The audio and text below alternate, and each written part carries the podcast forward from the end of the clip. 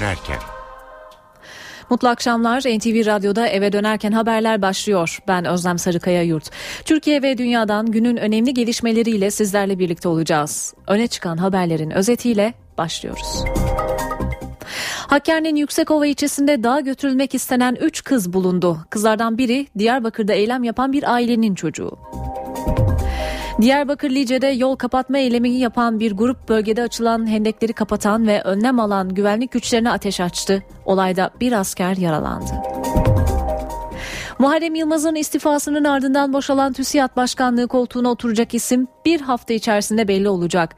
Muhalefet liderleri istifa ile ilgili hükümeti eleştirdi. AK Parti sözcüsü ise konunun kendileriyle ilişkilendirilmesine tepki gösterdi.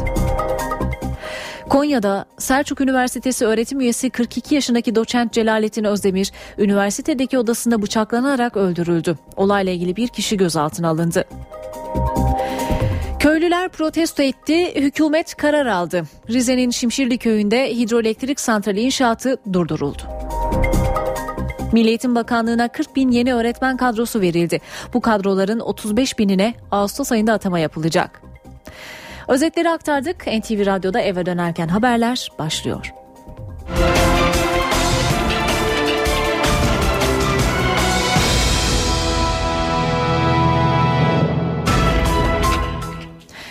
Değerli dinleyenler Türkiye günlerdir PKK tarafından kaçırıldığı iddia edilen çocukları konuşuyor. Ailelerin başlattığı oturma eylemi devam ederken Hakkari'nin Yüksekova ilçesinde bir eve operasyon düzenlendi ve dağa götürüleceği belirtilen 3 kız bulundu. O kızlardan biri Diyarbakır'da eylem yapan ailelerden birinin çocuğu. Şırnak'ta da 14 yaşında bir çocuk örgütten kaçarak güvenlik güçlerine teslim oldu. PKK tarafından dağa götürülmek istenen 3 çocuk kurtarıldı. Dağdaki bir çocuksa PKK'dan kaçtı. Hakkari'nin Yüksekova ilçesinde polis ve jandarmanın ortak operasyonunda bir eve baskın düzenlendi. Evde dağa götürülmek istenen ikisi 18 yaşından küçük 3 kız bulundu. Evdeki iki kadın gözaltına alındı. Evde bulunan kızlardan birinin Diyarbakır'daki oturma eylemine katılan bir ailenin çocuğu olduğu belirlendi. Aile olayın duyulmasının ardından helikopterle Yüksekova'ya götürüldü. Şırnak Beytüşşebap'ta da iki ay önce daha götürülen 14 yaşındaki M.E. örgütten kaçtı. Okula devam edecek inşallah. Ondan sonra ileride üniversite okuyacak. Çocuğun ifadesi alındıktan sonra ailesine teslim edildi. Beytüşşebap Kaymakamı Mehmet Fevzi Dönmez çocuğun evini ziyaret ederek ailesiyle görüştü. Başbakan Yardımcısı Beşir Atalay da gelişmeleri Diyarbakır'dan takip etti. Doğrudur ama daha geniş bilgiyi verirler size. Yarın zaten biz buradayız konuşacağız paylaşırız o zaman. Her iki haber Diyarbakır'da 24 Mayıs'tan bu yana oturma eylemini sürdüren diğer aileleri de umutlandırdı. Çok mutlu olduk. Bize de bir umut doğdu. Biz de seviniyoruz. Bizim çocuklarımız da bırakılır inşallah. Yine bölgeden bir haber. Bu kez haberin konusu yol kapatma eylemleri. Diyarbakır Lice'de bir grup bölgede açılan hendekleri kapatan ve önlem alan güvenlik güçlerine ateş açtı. Olayda bir asker yaralandı. Diyarbakır'daki yol kapatma eylemlerinde güvenlik güçlerine ateş açıldı. Bir asker yaralandı. Bölgede gerginlik sürüyor. Diyarbakır Bingöl Karayolu'nda 24 Mayıs'ta Kalekol ve baraj inşaatlarını protesto için eylem başlatan grupla jandarma arasında tansiyon yükseldi. Lice ile Hani ilçeleri arasındaki tepelerde bulunan göstericiler askerlere havai fişek ve el yapımı patlayıcı attı. Güvenlik güçleri gruba biber gazıyla karşılık verdi. Bu sırada iddiaya göre göstericiler içinde bulunan PKK'lılar jandarma ekiplerinin bulunduğu bölgeye ateş açtı. Ateşe karşılık verilince çatışma çıktı. Güvenlik kuvvetleri çıkan çatışmanın ardından sivillere zarar gelmemesi için bölgeden çekildi. Bacağına kurşun isabet eden bir asker yaralandı. Yaralı asker zırhlı araçla bölgeden uzaklaştırılarak helikopterle Diyarbakır Asker Hastanesi'ne kaldırıldı. Bölgede göstericilerin yolu ulaşıma kapatmak için açtıkları endeklerde iş makineleriyle kapatılıyor. Başbakan Erdoğan çözüm süreci, yol kesme eylemleri ve kaçırılan çocuklar konusunda isim vermeden HDP'ye eleştirilerde bulundu. Erdoğan yol kesme eylemlerini yapanlar için eşkıya ve terörist ifadelerini kullandı. Polis araçlarını yakıyorlar, deviriyorlar. Adeta bunlar için günlük mesai haline geldi bu. Yolları kesiyorlar. Yollarda kendileri işi gücü yok kanal açıyorlar. Araçlar geçmesin diye. Bunlar terörist mi desek, eşkıya mı desek, yol kesen mi desek her şey var bunlarda. Başbakan Recep Tayyip Erdoğan Güneydoğu'daki yol kesme eylemlerine tepki gösterdi. İsim vermeden HDP'ye yüklendi. Ve destekledikleri siyasi partinin de bunlardan zaten anlayış itibariyle farkı yok. Bir yandan ağızlarından çözüm sözünü düşürmeyip bir yandan da çözümü sabote edecek her şeyin içinde ve arkasında yer alanlar aslında kendi kendilerini bitiriyorlar. Başbakan Recep Tayyip Erdoğan Ankara'da katı atık depolama tesislerinin toplu açılış töreninde konuştu. Gündeminde BDP eş başkanı Selahattin Demirtaş'ın Diyarbakır Belediyesi önünde eylem yapan bazı ailelerin MIT'ten para aldığı iddiası da vardı. Diyarbakır'da oturma eylemi yapan çocukları kaçırılmış annelere şu çirkin iftirayı yapanlara bak. Onlar MIT tarafından para vermek suretiyle oraya getirilen annelerdir diyorlar. Böyle bir hakaret olabilir mi? Böyle bir edep dışı yaklaşım olabilir mi?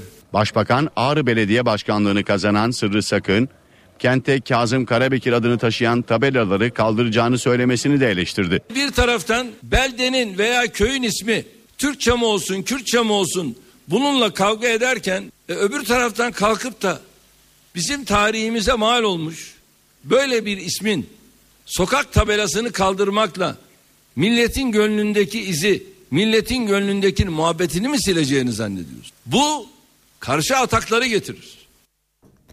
Muhalefet liderleri Cumhurbaşkanı adayını belirlemek için turlarını sürdürüyor. CHP lideri Kemal Kılıçdaroğlu bugün İstanbul'da, Bahçeli ise Ankara'da köşk seçimine ilişkin önemli mesajlar verdi. Muhalefetin köşk seçimi için turları devam ediyor. CHP lideri Kemal Kılıçdaroğlu, TÜSİAD, Türk Tabipler Birliği ve Türk Konfedi, MHP lideri Devlet Bahçeli ise Türkiye Ziraat Odaları, Kamusen ve Türkiye Odalar ve Borsalar Birliği'ni ziyaret etti. CHP lideri Kılıçdaroğlu İstanbul'da yaptığı görüşmelerin ardından kameraların karşısına geçti. CHP'nin adayı ne zaman açıklanacak sorusuna yanıt verdi. Büyük bir ihtimalle e, hafta sonu Almanya'da olacağım. E, dönüşte herhalde e, netleştireceğiz. MHP Genel Başkanı Devlet Bahçeli de isim açıklamadı. Kendisinin çatı aday olacağı yönündeki haberlere tepki gösterdi.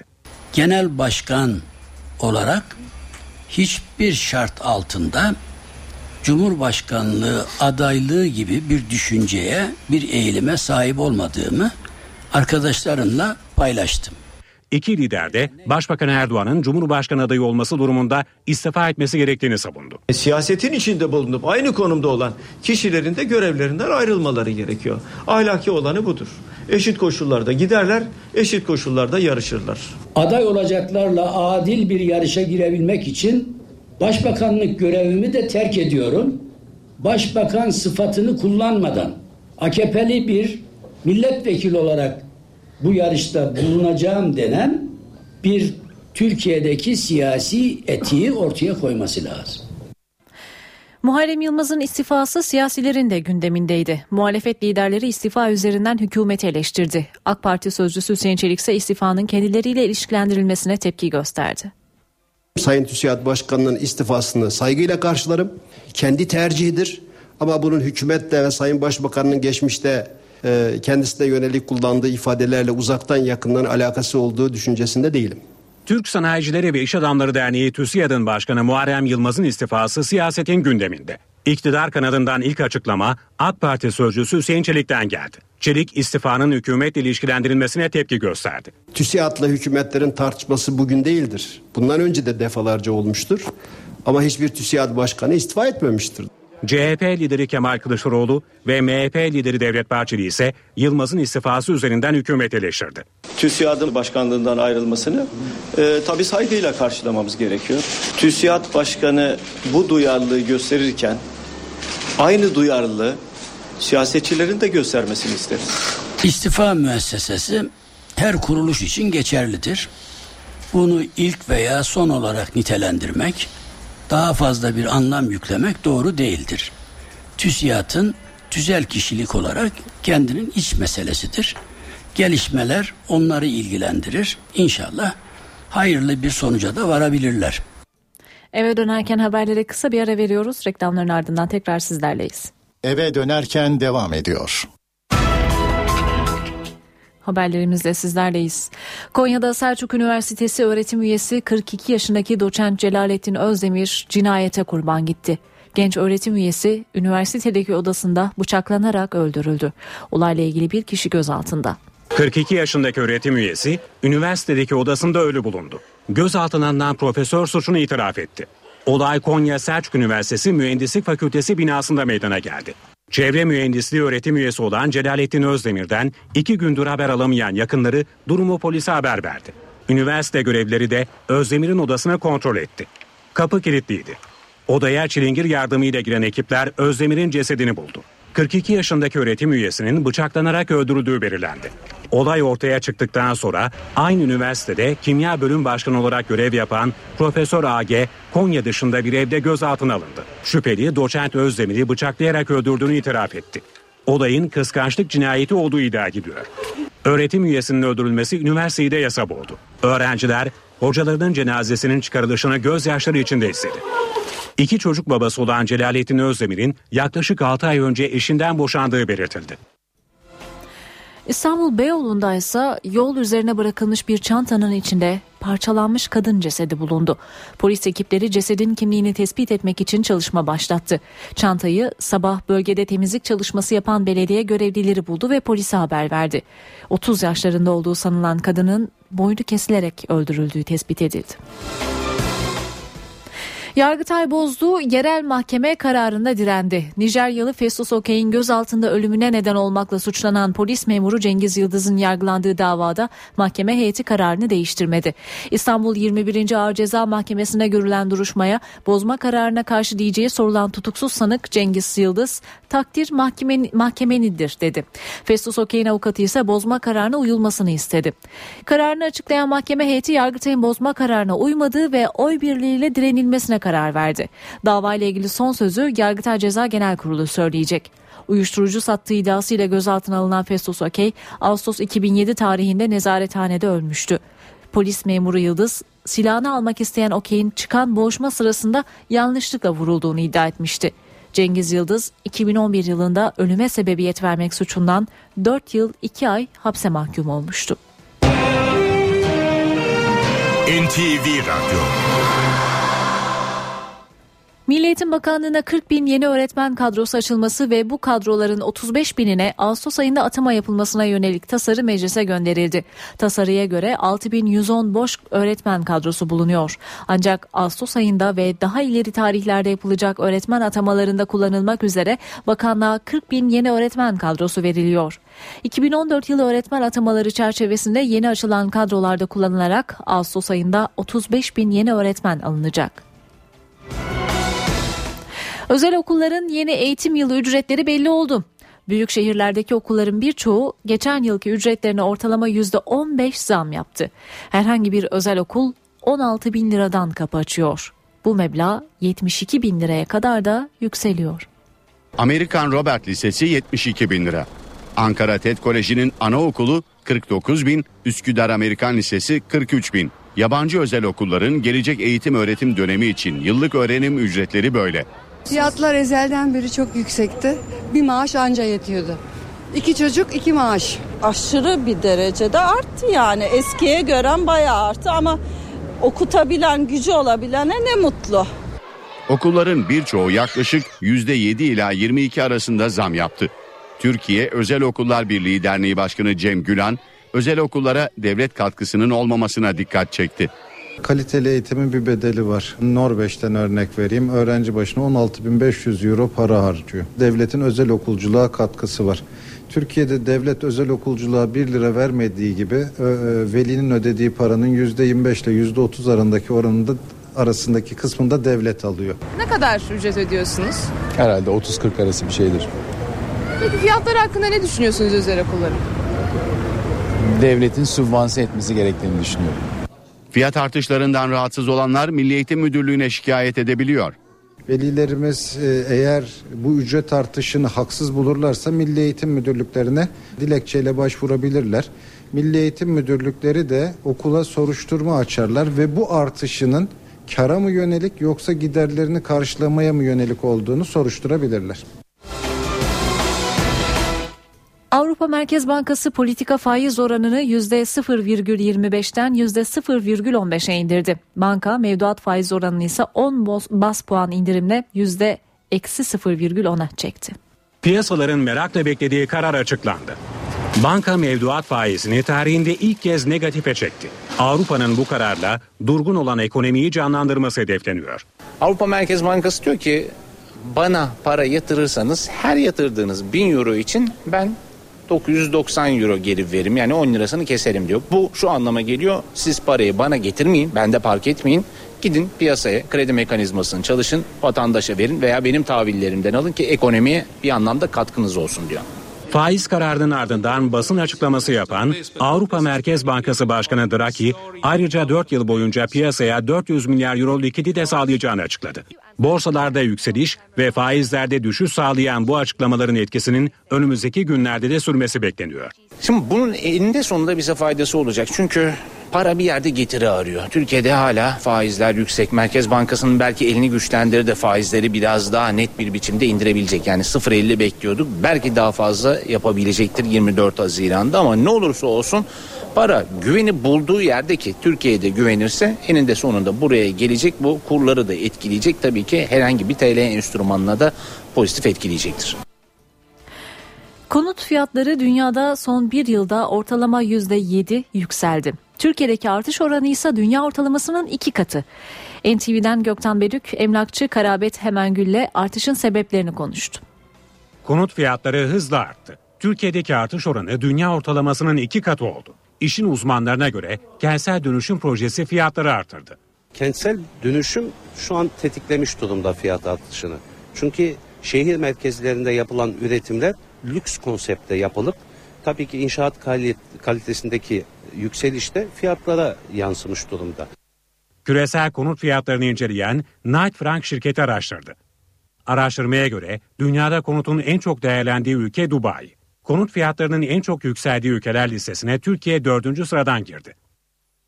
Fiyatı tetikleyen bir başka nedense şehir içindeki arsa fiyatlarının yüksek olması. Bir de bunun toprak maliyeti var. Yani arsa maliyeti var. O, o sebepten dolayı da şehir içindeki arsa maliyetinin yükseliş e, yüksek e, oranları direkt inşaat maliyetine yansımış durumda. Fiyatların artmasında birkaç neden etkili. Böyle olunca da istatistiklere göre son bir yılda dahi fiyatlar %14 arttı. Kentsel dönüşümün şehir merkezi olan bölgelerde e, hız kazanmış olması. İkincisi KDV oranındaki artışların, konut KDV oranındaki artışların bu sene uygulanmaya başlanıyor olması. Üçüncüsü ise dolardaki, dövizdeki kur artışının inşaat maliyetlerini etkilemiş olması. Çiğ sütün litresine 10 kuruş zam yapıldı. Buna göre çiğ süt fiyatı litre başına 1 lira 15 kuruş oldu. Çiğ süt üreticileriyle süt sanayicileri zam konusunu uzlaştı. %10'a yakın artışın nedeni olarak yem fiyatlarındaki yükseliş gösterildi. Yeni fiyat 1 Temmuz'dan itibaren bu yılın sonuna kadar geçerli olacak. Para ve sermaye piyasalarındaki işlemlerle devam edeceğiz. Borsa İstanbul şu sıralarda 80.045 seviyesinde. Serbest piyasada dolar 2 lira 10 kuruş, euro 2.86'dan işlem görüyor. Kapalı çarşıda ise Cumhuriyet altını 574, çeyrek altın 138 liradan satılıyor. Böylelikle eve dönerken haberlere bir virgül koyuyoruz. Saat başında tekrar sizlerle olacağız. İstanbul yollarındaki durumu paylaşacağız. Köprü trafiği şu an için yoğunlaşmış durumda. Özellikle Avrupa'dan Anadolu'ya geçişte E5 üzerinde Boğaziçi Köprüsü'nü kullanacakları Çağlayan'dan başlayan bir trafik bekliyor. Köprü çıkışına kadar Altunizade'ye kadar devam ediyor bu trafik. Tersi yönde yine Boğaziçi Köprüsü yolunda trafik Küçük Çamlıca'da başlıyor. Köprü üzerine kadar devam ediyor. Köprü ortasında ve çıkış şu an için rahat. Ama E5 üzerinde özellikle Haliç girişinde Edirne yönünde yoğun bir trafik söz konusu. Bahçeli Evler Bakırköy'e kadar devam eden bir trafik bu. Tem'de duruma bakacak olursak eğer Avrupa'dan Anadolu'ya geçişte köprü trafiği Gazi Osman Paşa Tır Parkı'ndan başlıyor. Çıkışa kadar özellikle Beykoz'a kadar devam ediyor. Tersi yönde Ümraniye'den başlayan trafik Fatih Sultan Mehmet Köprüsü'nü kullanıp Avrupa'ya geçecekler için yoğun olarak şu an için devam ediyor. Seyran civarında da bir sıkışıklık söz konusu. NTV Radyo eve dönerken devam ediyor.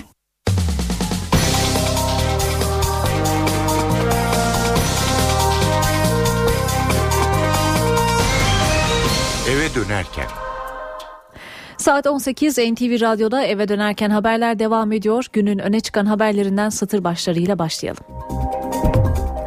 Hakkari'nin Yüksekova ilçesinde düzenlenen operasyonda dağa götürülmek istenen 3 kız bulundu. Kızlardan biri Diyarbakır'da eylem yapan bir ailenin çocuğu. Şırnak'ta da 14 yaşında bir çocuk PKK'dan kaçarak güvenlik güçlerine teslim oldu. Çözüm süreci yarın Diyarbakır'da masaya yatırılacak. Kabine üyesi birçok bakanın katılacağı çalıştaya dair notları canlı bağlantıyla öğreneceğiz. Konya'da doçent Celalettin Özdemir üniversite odasında bıçaklanarak öldürüldü. Olayla ilgili gözaltına alınan bir profesör suçunu itiraf etti. Öne çıkan haberlerden satır başları böyleydi. Şimdi ayrıntılar.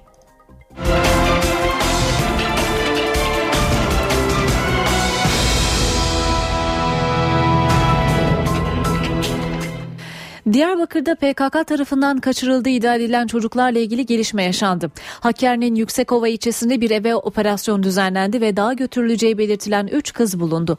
O kızlardan biri Diyarbakır'da eylem yapan ailelerden birinin çocuğu. Şırnak'ta da 14 yaşında bir çocuk örgütten kaçarak güvenlik güçlerine teslim oldu. PKK tarafından dağa götürülmek istenen 3 çocuk kurtarıldı. Dağdaki bir çocuksa PKK'dan kaçtı. Hakkari'nin Yüksekova ilçesinde polis ve jandarmanın ortak operasyonunda bir eve baskın düzenlendi. Evde dağa götürülmek istenen ikisi 18 yaşından küçük 3 kız bulundu. Evdeki iki kadın gözaltına alındı.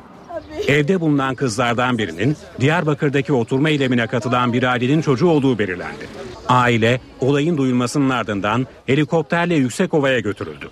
Şırnak Beytüşşebap'ta da iki ay önce dağa götürülen 14 yaşındaki M.E. örgütten kaçtı. Okula devam edecek inşallah.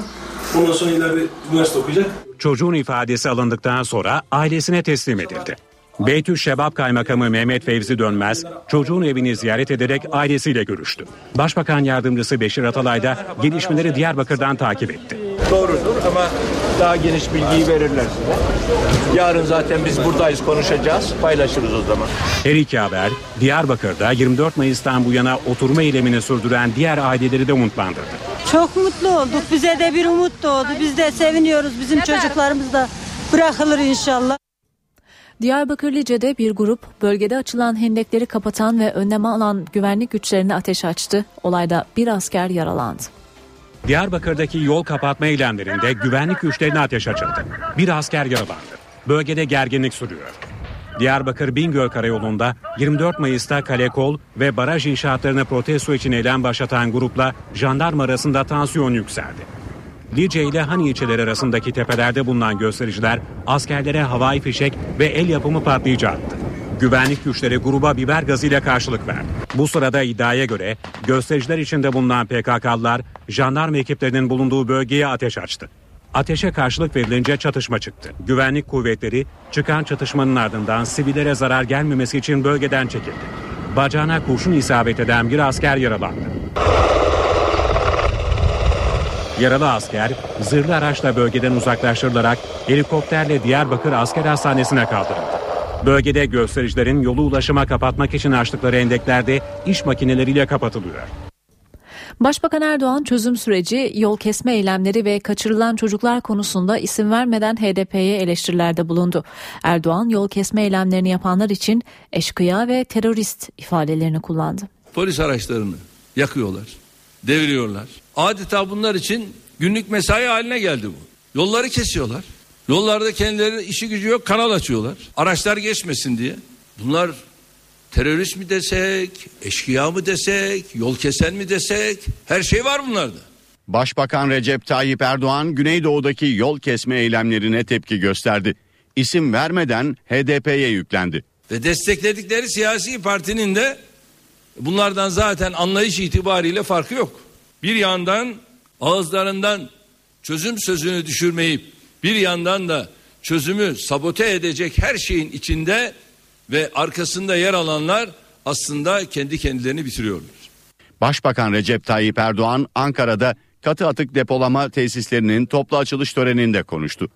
Gündeminde BDP eş başkanı Selahattin Demirtaş'ın Diyarbakır Belediyesi önünde eylem yapan bazı ailelerin MIT'ten para aldığı iddiası da vardı. Diyarbakır'da oturma eylemi yapan çocukları kaçırılmış annelere şu çirkin iftirayı yapanlara bak. Onlar MİT tarafından para vermek suretiyle oraya getirilen annelerdir diyorlar. Böyle bir hakaret olabilir mi? Böyle bir edep dışı yaklaşım olabilir mi? Başbakan Ağrı Belediye Başkanlığını kazanan Sırrı Sakın, kente Kazım Karabekir adını taşıyan tabelaları kaldıracağını söylemesini de eleştirdi. Bir taraftan beldenin veya köyün ismi Türkçe mi olsun, Kürtçe mi olsun bununla kavga ederken e, öbür taraftan kalkıp da bizim tarihimize mal olmuş böyle bir ismin sokak tabelasını kaldırmakla milletin gönlündeki izi, milletin gönlündeki muhabbetini mi sileceğini zannediyoruz? Bu karşı atakları getirir.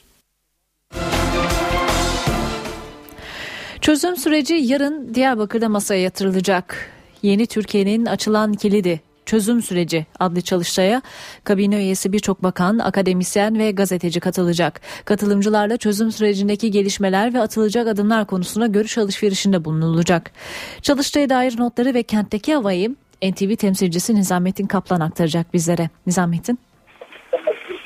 Evet e, AK Parti tarafından yarın e, Diyarbakır'da düzenlenecek olan çözüm süreciyle ilgili çalıştay tabii ki e, bölgede önemseniyor. Birkaç günden bu yana hazırlıkları yapılıyordu. Çok sayıda akademisyen, uzman, medya temsilcisi, siyasetçi bu çalıştayda görüşlerini dile getirecek. Çözüm sürecinin geldiği nokta bir anlamda burada tartışılacak. Bu çalıştaya e, Demokratik Toplum Kongresi'nden de e, bir isim davet edildi. Seydi Fırat, e, Seydi Fırat e, bir anlamda e, burada hem Barış ve Demokrasi Partisi hem de e, diğer sivil toplum örgütlerinin e, buradaki beklentilerini de dile getirecek. Seydi Fırat 1999 yılında Abdullah Öcalan'ın e, çağrısı üzerine e, Türkiye'ye gelip teslim olan 8 kişilik grupta yer alıyordu. E, bu dönemde de Demokratik Toplum Kongresi'nde görev alıyor. Dolayısıyla yarınki çalıştayda e, Kürt tarafı bir anlamda e, önceliği hasta tutsaklar ve çözüm sürecinin e, yasal bir zemine, yasal bir çerçeve oturtulmasına e, verecek. Tabii diğer e, sivil toplum örgütleri temsilcileri de ee, özellikle bölgede son dönemlerde yaşanan çatışma ortamının e, Diyarbakır Bingöl Karayolu'nun e, uzun süredir trafiğe kapalı olması ya da belirli e, e bir e, kontrolde ulaşımın sağlanması bunların önüne geçilmesi için e, hükümetten e, bir takım adımların atılması ve e, çözüm sürecinin e, bundan sonraki dönemde de sağlıklı yürüyebilmesi için bazı önlemler almasını isteyecekler. E, tabii sadece e, doğudaki e, davetliler katılmıyor bu çalıştaya. İstanbul ve Ankara'dan da e, önemli e, isimler var. Hem e, siyasetçi hem de e, STK temsilcileri e, yarın e, gün boyu Diyarbakır'da Başbakan Yardımcısı Beşir Atalay, İçişleri Bakanı Efkan Ala ve Gıda Tarım ve Hayvancılık Bakanı Mehdi Eker'le yine Başbakan'ın siyasi başdanışmanı e, Yalçın Akdoğan'ın da bulunacağı bu çalıştayda e, bir anlamda çözüm sürecinin e, 15 aylık e, tarihini 15 aylık e, süresini masaya yatırmış olacaklar. Nizamettin Kaplan aktardı. Muharrem Yılmaz'ın istifası siyasilerin de gündemindeydi. Muhalefet liderleri istifa üzerinden hükümeti eleştirdi. AK Parti sözcüsü Hüseyin Çelik ise istifanın kendileriyle ilişkilendirilmesine tepki gösterdi. Sayın TÜSİAD Başkanı'nın istifasını saygıyla karşılarım. Kendi tercihidir. Ama bunun hükümetle ve Sayın Başbakan'ın geçmişte e, kendisine yönelik kullandığı ifadelerle uzaktan yakından alakası olduğu düşüncesinde değilim. Türk Sanayicileri ve İş Adamları Derneği TÜSİAD'ın başkanı Muharrem Yılmaz'ın istifası siyasetin gündeminde. İktidar kanadından ilk açıklama AK Parti sözcüsü Hüseyin Çelik'ten geldi. Çelik istifanın hükümetle ilişkilendirilmesine tepki gösterdi. TÜSİAD'la hükümetlerin tartışması bugün değildir. Bundan önce de defalarca olmuştur. Ama hiçbir TÜSİAD başkanı istifa etmemiştir. CHP lideri Kemal Kılıçdaroğlu ve MHP lideri Devlet Bahçeli ise Yılmaz'ın istifası üzerinden hükümet eleştirdi. TÜSİAD'ın başkanlığından ayrılmasını e, tabii saygıyla karşılamamız gerekiyor. TÜSİAD Başkanı bu duyarlılığı gösterirken Aynı duyarlılığı siyasetçilerin de göstermesini isteriz. İstifa müessesesi her kuruluş için geçerlidir. Bunu ilk veya son olarak nitelendirmek, daha fazla bir anlam yüklemek doğru değildir. TÜSİAD'ın tüzel kişilik olarak kendinin iç meselesidir. Gelişmeler onları ilgilendirir. İnşallah hayırlı bir sonuca da varabilirler. Muhalefet liderleri Cumhurbaşkanı adayını belirlemek için turlarını sürdürüyor. CHP lideri Kemal Kılıçdaroğlu bugün İstanbul'da, Bahçeli ise Ankara'da köşk seçimine ilişkin önemli mesajlar verdi. Muhalefetin köşk seçimi için turları devam ediyor. CHP lideri Kemal Kılıçdaroğlu, TÜSİAD, Türk Tabipler Birliği ve Türk Konfedi, MHP lideri Devlet Bahçeli ise Türkiye Ziraat Odaları, Kamusen ve Türkiye Odalar ve Borsalar Birliği'ni ziyaret etti. CHP lideri Kılıçdaroğlu İstanbul'da yaptığı görüşmelerin ardından kameraların karşısına geçti.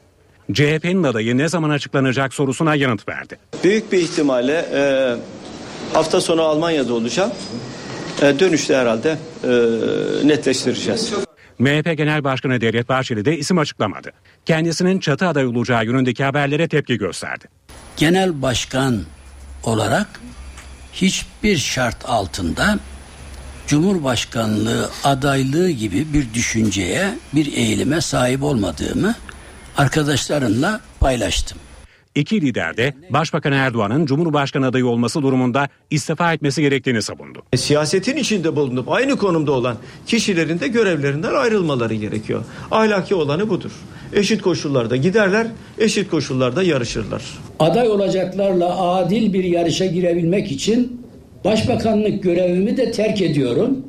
Başbakan sıfatını kullanmadan AKP'li bir milletvekili olarak bu yarışta bulunacağım denen bir Türkiye'deki siyasi etiği ortaya koyması lazım. Cumhuriyet Halk Partisi Başbakan Erdoğan hakkında görevini kötüye kullanmak, yolsuzluk olaylarının üzerine örtmek iddiasıyla Gensor önergesi verdi. CHP'li 3 grup başkan vekili Akif Hamza Çebi, Muharrem İnce ve Engin Altay imzasıyla meclis başkanlığına sunulan önergede Başbakan Erdoğan'ın daha önce eski dört bakanın suçlarını önceden bildiği halde gerekli işlemleri yapmayarak görevini kötüye kullandığı ileri sürüldü. Önergede Başbakanın yolsuzluk olaylarının üzerine örttüğü, yargıyı, yargıyı etkilemeye teşebbüs ettiği, haksız mal edindiği, mal kaçırma ve gizleme suçlarını işlediği ileri sürüldü. Değerli dinleyenler şimdi kısa bir aramız var ardından haberlerimizle devam edeceğiz. Eve dönerken devam ediyor. NTV Radyo'da haberleri aktarmayı sürdürüyoruz.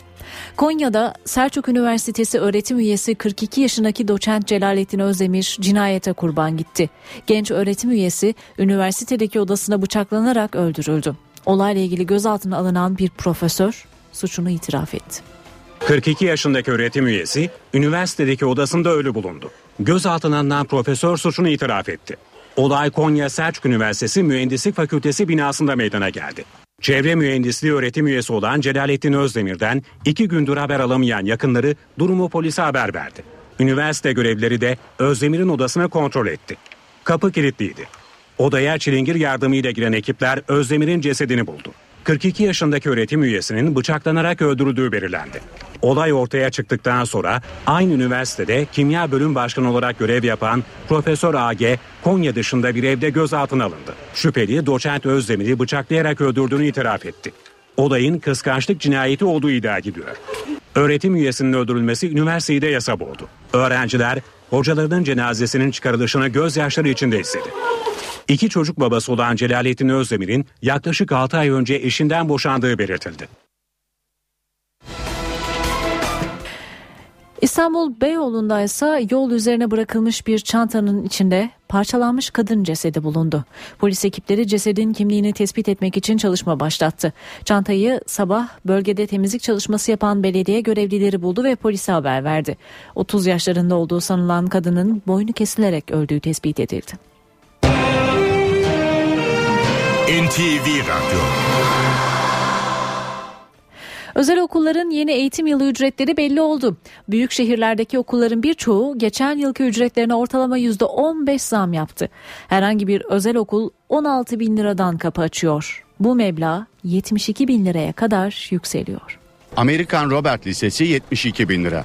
Ankara TED Koleji'nin anaokulu 49 bin, Üsküdar Amerikan Lisesi 43 bin. Yabancı özel okulların gelecek eğitim öğretim dönemi için yıllık öğrenim ücretleri böyle. Fiyatlar ezelden beri çok yüksekti. Bir maaş anca yetiyordu.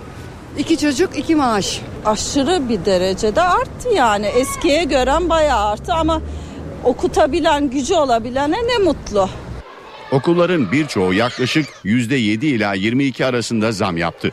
Türkiye Özel Okullar Birliği Derneği Başkanı Cem Gülan, özel okullara devlet katkısının olmamasına dikkat çekti. Kaliteli eğitimin bir bedeli var. Norveç'ten örnek vereyim. Öğrenci başına 16.500 euro para harcıyor. Devletin özel okulculuğa katkısı var. Türkiye'de devlet özel okulculuğa 1 lira vermediği gibi velinin ödediği paranın %25 ile %30 arasındaki oranında arasındaki kısmında devlet alıyor. Ne kadar ücret ödüyorsunuz? Herhalde 30-40 arası bir şeydir. Peki fiyatlar hakkında ne düşünüyorsunuz özel okulların? Devletin sübvanse etmesi gerektiğini düşünüyorum. Fiyat artışlarından rahatsız olanlar Milli Eğitim Müdürlüğü'ne şikayet edebiliyor. Velilerimiz e, eğer bu ücret artışını haksız bulurlarsa Milli Eğitim Müdürlüklerine dilekçeyle başvurabilirler. Milli Eğitim Müdürlükleri de okula soruşturma açarlar ve bu artışının kara mı yönelik yoksa giderlerini karşılamaya mı yönelik olduğunu soruşturabilirler. Milli Eğitim Bakanlığı'na 40 bin yeni öğretmen kadrosu açılması ve bu kadroların 35 binine Ağustos ayında atama yapılmasına yönelik tasarı meclise gönderildi. Tasarıya göre 6110 boş öğretmen kadrosu bulunuyor. Ancak Ağustos ayında ve daha ileri tarihlerde yapılacak öğretmen atamalarında kullanılmak üzere bakanlığa 40 bin yeni öğretmen kadrosu veriliyor. 2014 yılı öğretmen atamaları çerçevesinde yeni açılan kadrolarda kullanılarak Ağustos ayında 35 bin yeni öğretmen alınacak. Hızlı tren projesine hazine garantisi geliyor. Kamu alacaklarının faizine af getiren yasa tasarısı bazı kurumlara özel düzenlemelerle de dikkat çekiyor. Tasarıda hızlı tren projelerini yürüten devlet demiryolları için hükümler var. Düzenlemenin ayrıntılarını NTV Ankara İstihbarat Şefi Ahmet Ergen'le ekonomi günlüğünde anlatacak. Ahmet seni dinliyoruz. Büyük ölçekli kamu yatırımları için sağlanacak dış finansmana hazine garantisi tartışma yaratmıştı geçtiğimiz günlerde. Hazinenin bu konudaki garanti uygulamasına benzer bir uygulama e, Türkiye Cumhuriyeti Devlet Demiryolları'na özel olarak yasa tasarısına girdi. Devlet Demiryolları'nın hızlı tren projeleri için Hazine Müsteşarlığı doğrudan garanti sağlayacak. Hazine Demiryolları'nın 2014-2018 yıllarındaki projeleri için ki bunlar özellikle hızlı tren projeleri olacak.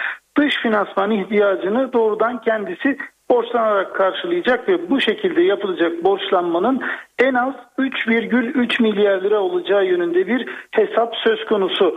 Ee, Devlet Demiryolları projeler için herhangi bir dış finansman kaynağından doğrudan borçlanma yapacak ve bu şekilde sağlanan krediler bütçenin gelir ve gider kalemleriyle ilişkilendirilmeden karşılıksız olarak devlet demir yollarına tahsis edilecek. 3,3 milyar liralık hesaba nasıl ulaşıldı bunu da aktaralım. Devlet demir yollarının devam eden hızlı tren projeleri için 9,1 milyar liralık dış kredi e, hesabı yapılmıştı. Bunun 5,8 milyar liralık kısmı karşılanmış durumda. Geriye kalan 3,3 milyar lirada hazinenin e, garantörlüğüyle borçlanmasıyla sağlanacak. Şu anda e, devlet demir yollarının yürüttüğü hızlı tren projelerinde hatırlatırsak Ankara İstanbul devam ediyor. Ankara İzmir için 2015'te e, tamamlanacak şeklinde bir hesaplama söz konusu.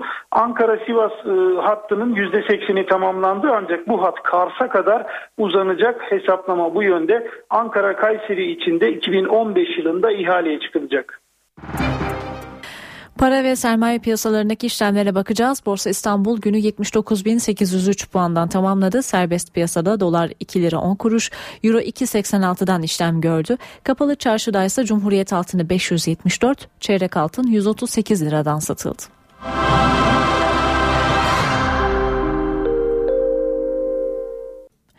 Rize'nin Şimşirli köyünde protestolara neden olan hidroelektrik santrali inşaatı durduruldu. Haberi AK Parti sözcüsü Hüseyin Çelik verdi. Çelik, hidroelektrik santralleri ile ilgili yeni bir çalışma başlatıldığını söyledi. Jandarmanın müdahalesi sırasında yaralanan köylüleri ise gün içinde muhalefet temsilcileri ziyaret etti. Coplayın diye bizi yere yatırdılar, copladılar. Eşimin üstüne beş kişi çullandı. Oğlum desene kadınlara ayılan bayılana. Köylüler protesto etti, hükümet karar aldı. Rize'nin Şimşirli köyünde HES inşaatı durduruldu. bu Şimşirli köyündeki HES inşaatı durdurulmuştur arkadaşlar. Ben de bazı HES'lerin çevreye ciddi manada zarar verdiğine inananlardanım. Hükümetimiz bugüne kadar olan bilgi ve birikimiyle uygulamadaki eksiklik aksaklıkları da görerek HES'lerle ilgili olarak yeni bir çalışma yapmaktadır. Bunu da bitirdiği zaman kamuoyuyla paylaşacaktır. Rize'deki protestoyu ve yapılan müdahaleyi CHP lideri Kemal Kılıçdaroğlu meclis gündemine taşımıştı. Kılıçdaroğlu'nun fotoğraflarını gösterdiği protestoda yaralanan Hava Bir'den AK Parti sözcüsü Hüseyin Çelik özür diledi. Başörtülü bacımıza saldırdılar diyordu değil mi? Başörtülü bacımızı ne hale getirdiklerini görüyor mu acaba? Hava bir hanımefendiye buradan AK Parti adına geçmiş olsun dileklerimi ifade etmek isterim. Rahatsız olduysa, bundan dolayı zarar gördüyse, bundan dolayı yaralandıysa, yüreği yaralandıysa da bu uygulamadan dolayı ben kendisinden ayrıca özür dilerim. Jandarmanın müdahalesi sırasında yaralanan köylüleri CHP ve MHP'den milletvekilleri de ziyaret etti. Bu kadınların darp edilmesine, her yerlerinin morarması bizim yüreğimizi yaktı. Hükümet HES'lerle ilgili kapsamlı bir çalışma yapıyor. Küçük ölçekli santrallerin lisanslarının iptal edilmesi gündemde.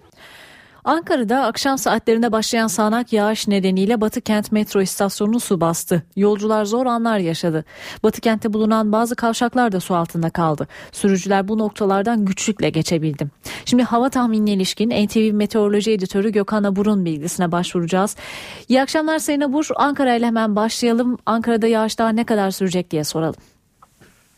Şu anda son e, radar görüntülerine baktığımda Ankara'daki yağışın özellikle kuzey ilçelerinde e, aralıklarla devam ettiğini görüyorum. Fakat risk bu kez Ankara'nın kuzey ilçelerinin dışında hemen Çankırı, Karabük, Kastamonu arasındaki bölgede devam ediyor. Şu anda çok yoğun bulut var.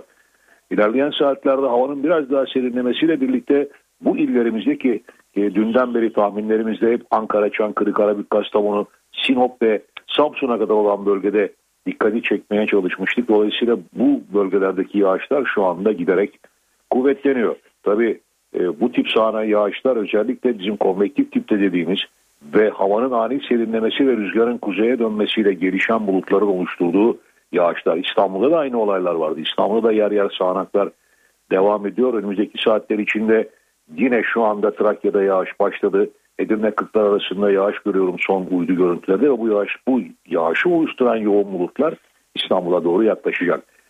Evet e, oldukça kararsız hava koşullarının etkisi altındayız. E, dolayısıyla bu sistemler e, aralıklarla etkisini sürdürmeye önümüzdeki günlerde devam edecek.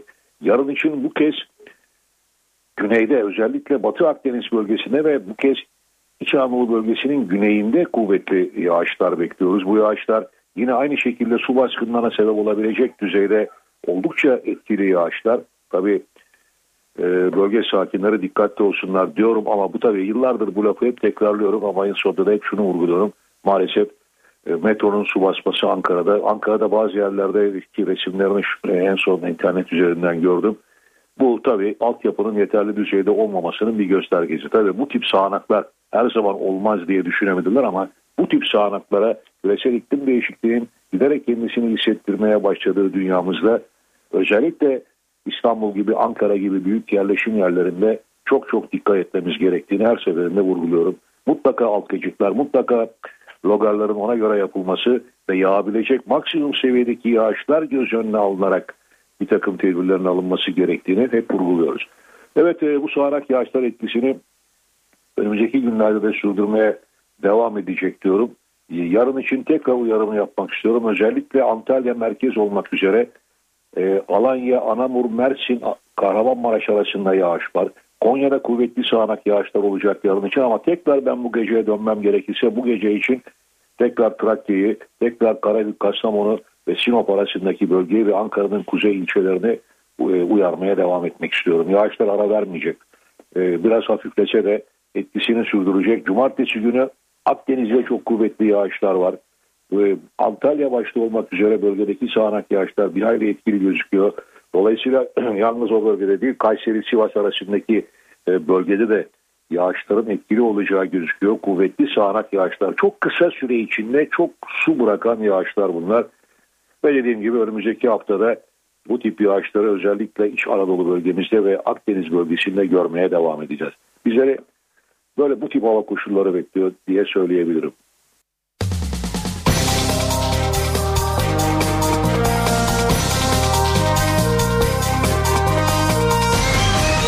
Eve dönerken Eve dönerken haberlerde öne çıkan haberlerin satır başlarıyla devam edelim.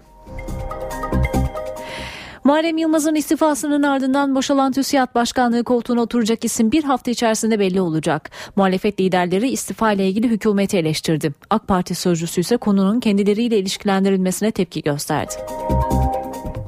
İstanbul Gazi Osman Paşa'da iki grubun karşı karşıya geldiği olaylarda her iki tarafın eylemlerine de katılırken görülen zanlı gözaltına alındı. Fenerbahçe milli futbolcu Caner Erkin'in sözleşmesinin uzatılması konusunda prensip anlaşılmasına varıldığını duyurdu. İsrail'den Hamas'ın desteklediği uzlaşı hükümetine misilleme geldi. Netanyahu hükümeti Filistin topraklarına 1500 konut daha inşa etme kararı aldı. Satır başlarını aktardık. Şimdi kısa bir araya gidiyoruz. Eve dönerken devam ediyor. Eve dönerken de haberleri aktarmayı sürdürüyoruz. Türk dil Türk dili konuşan ülkeler işbirliği konseyine üye 4 ülkenin devlet başkanları Bodrum'da bir araya geldi. Toplantıda bölgesel sorunlar masaya yatırıldı. Türkiye, Azerbaycan, Kazakistan ve Kırgızistan devlet başkanları Türk Konseyi'nin dördüncü toplantısı için Bodrum'da buluştu. Cumhurbaşkanı Abdullah Gül işbirliğinin altını çizdi. Maksadımız diğer bölgesel işbirliği mekanizmalarını destekleyecek şekilde bölgesel ortaklık ruhunu perçinlemek ve yeni sinerjiler oluşturmaktır. Ukrayna ve Kırım'daki siyasi ve askeri kriz, Kafkasya'da Yukarı Karabağ sorunu da zirvenin gündemindeydi. Dört ülke, Yukarı Karabağ sorununun Azerbaycan'ın toprak bütünlüğü içinde çözüme kavuşturulması yönündeki görüşü tekrarladı. Zirvede bölgesel işbirliği alanları da konuşuldu. Washington, Paris ve Berlin'de diaspora merkezleri oluşturmak bunlardan biri. Eminim ki hepimiz Cumhurbaşkanları olarak bu projeleri yakından takip edeceğiz. Değerli bakanlar bunların zaten hep sahipleridir. Modern İpek Yolu güzergahının belirlenmesi için Turizm Bakanları da Cumhurbaşkanlarına bilgi verdi. Ortak edebiyat ve tarih kitabı yazılması, ortak televizyon ve yatırım fonu kurulması için de çalışmalar sürecek.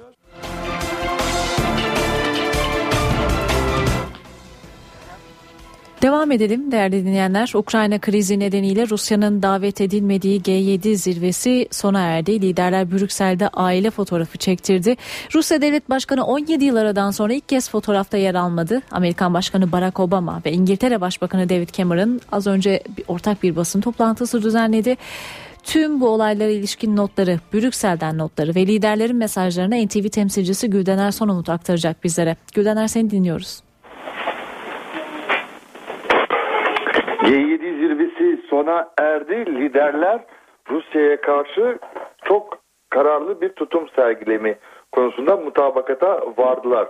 Rusya'nın özellikle uluslararası topluluğun beklentilerini yerine getirmedikçe G7 toplantılarına bir kez daha e, gelmesi e, ve katılması çok öngörülmüyor. E, Amerika Birleşik Devletleri olsun, Almanya olsun Rusya'ya yönelik olarak gerekirse ekonomik başta olmak üzere diplomatik ve siyasi yaptırımları arttırabileceklerini dile getirdiler. İkinci önemli dosya ekonomi konusuydu. Avrupa Merkez Bankası Başkanı Mario Draghi faiz oranlarını indirme kararı aldı. Avrupa Birliği'ne üye ülkelerin ekonomik durumu en azından kamu borçlarının hala yüksek olması ancak kontrol altında olması büyüme oranında beklenen neticeyi ve hızı elde edememeleri ve bir türlü istihdam yaratamamaları sorun teşkil etti. Amerika Birleşik Devletleri Başkanı Barack Obama da Amerikan ekonomisinin yavaş yavaş canlandığını hatırlattı. Ancak daha istenen büyümeyi oluşturmak için uzun bir yolları olduğunu söylediler. Enerji konusu da keza gündemdeydi. Liderler enerji konusunda Rusya'dan doğal gaz alanında bağımsızlıklarını ilan etmek için yenilebilir enerji başta olmak üzere enerji güvenliğine yatırım yapma konusunda karar aldılar. Güldener Sonumut aktardı. Bu yıl 2. Dünya Savaşı'nın kaderini değiştiren Normandiya çıkarmasının 70. yıl dönümü kutlanıyor. Fransa'da İngiltere Kraliçesi Elizabeth, Amerikan Başkanı Barack Obama ve Rusya lideri Vladimir Putin'le aralarında bulunduğu çok sayıda liderin katılımıyla törenler düzenlenecek. Bu görkemli törenler öncesinde Normandiya'yı hatırlayalım. İşte tarihi Normandiya çıkarması. Normandiya, dünya tarihinin en büyük deniz çıkarması. İkinci Dünya Savaşı'nda müttefik güçlerin Fransa'nın Normandiya kıyılarına yaptığı çıkarma Nazi Almanyası'nın sonunu getirdi. Adolf Hitler'i dize getiren çıkarma 6 Haziran 1944'te başladı. İlk günde yaklaşık 160 bin asker İngiliz kanalını geçerek Fransa kıyılarına çıktı. Çıkarmanın mimarı müttefik kuvvetlerin komutanı Amerikalı General Eisenhower'dı. Operasyona Güneş'e en uzak gezegen olan Neptün kod adı verildi. Kötü hava koşulları nedeniyle planlanandan bir gün sonra başlayan çıkarmaya aralarında Norveç, Yunanistan, Yeni Zelanda ve Avustralya'nın da bulunduğu ondan fazla ülke katıldı. En büyük katkı sağlayansa İngiltere, Kanada ve Amerika Birleşik Devletleri'ydi. Fransa'nın kuzeybatısında 80 kilometrelik bir alanı kapsayan çıkarma tamamlandığında ise toplam 850 bin asker ve 49 bin araç Fransa kıyılarına çıkmıştı.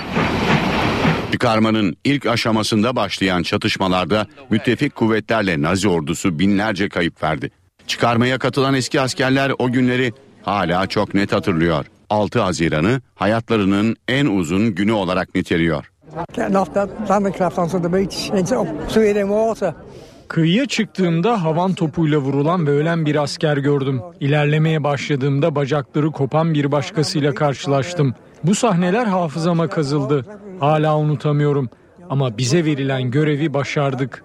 Onları en fazla üzense savaşların hala devam etmesi.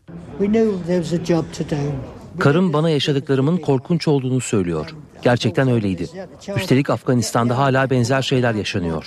Askerlerin hafızalarında böyle yer edinen Normandiya çıkarmasının 2. Dünya Savaşı'nda Avrupa'nın Nazilerin elinden kurtarılmasında kilit rol oynadığına dikkat çekiliyor.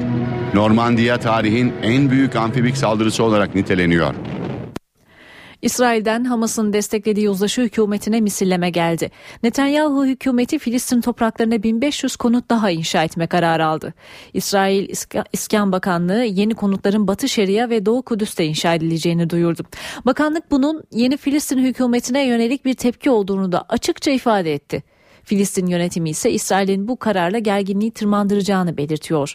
Filistinliler Batı Şeria ve Doğu Kudüs'teki Yahudi yerleşim birimleri inşaatını kurmayı planladıkları devletin önündeki en büyük engel olarak görüyor. NTV Radyo'da eve dönerken haberlerde şimdi kültür sanat diyeceğiz. Günün etkinliklerinden bir derleme sunacağız. İstanbul yollarında an itibariyle trafik yoğunluğu artıyor. Boğaziçi Köprüsü girişi Anadolu'ya geçiş yönünde oldukça yoğun. Çıkışta da yine Altunizade'ye kadar bu yoğunluk devam ediyor. Tersi yönde köprüye giriş trafiği var. Anadolu'dan Avrupa'ya geçişte ve köprü ortasına kadar devam ediyor. Fatih Sultan Mehmet Köprüsü'ne bakacak olursak eğer Avrupa'dan Anadolu'ya geçiş yönünde trafik Kemerburgaz ayrımından başlıyor ve yine köprü çıkışında Ümraniye Elmalı'ya kadar devam ediyor. Tersi yönde Anadolu'dan Avrupa'ya geçişte Ümraniye civarında başlayan trafik köprü girişine kadar sürüyor. Köprü çıkışı tem boyunca gişelere kadar rahat. Eve dönerken haberleri burada noktalıyoruz. NTV Radyo'da kısa bir aranın ardından Cem Dizdar ve Gürcan Bilgiç'e Çift Forvet programı başlayacak.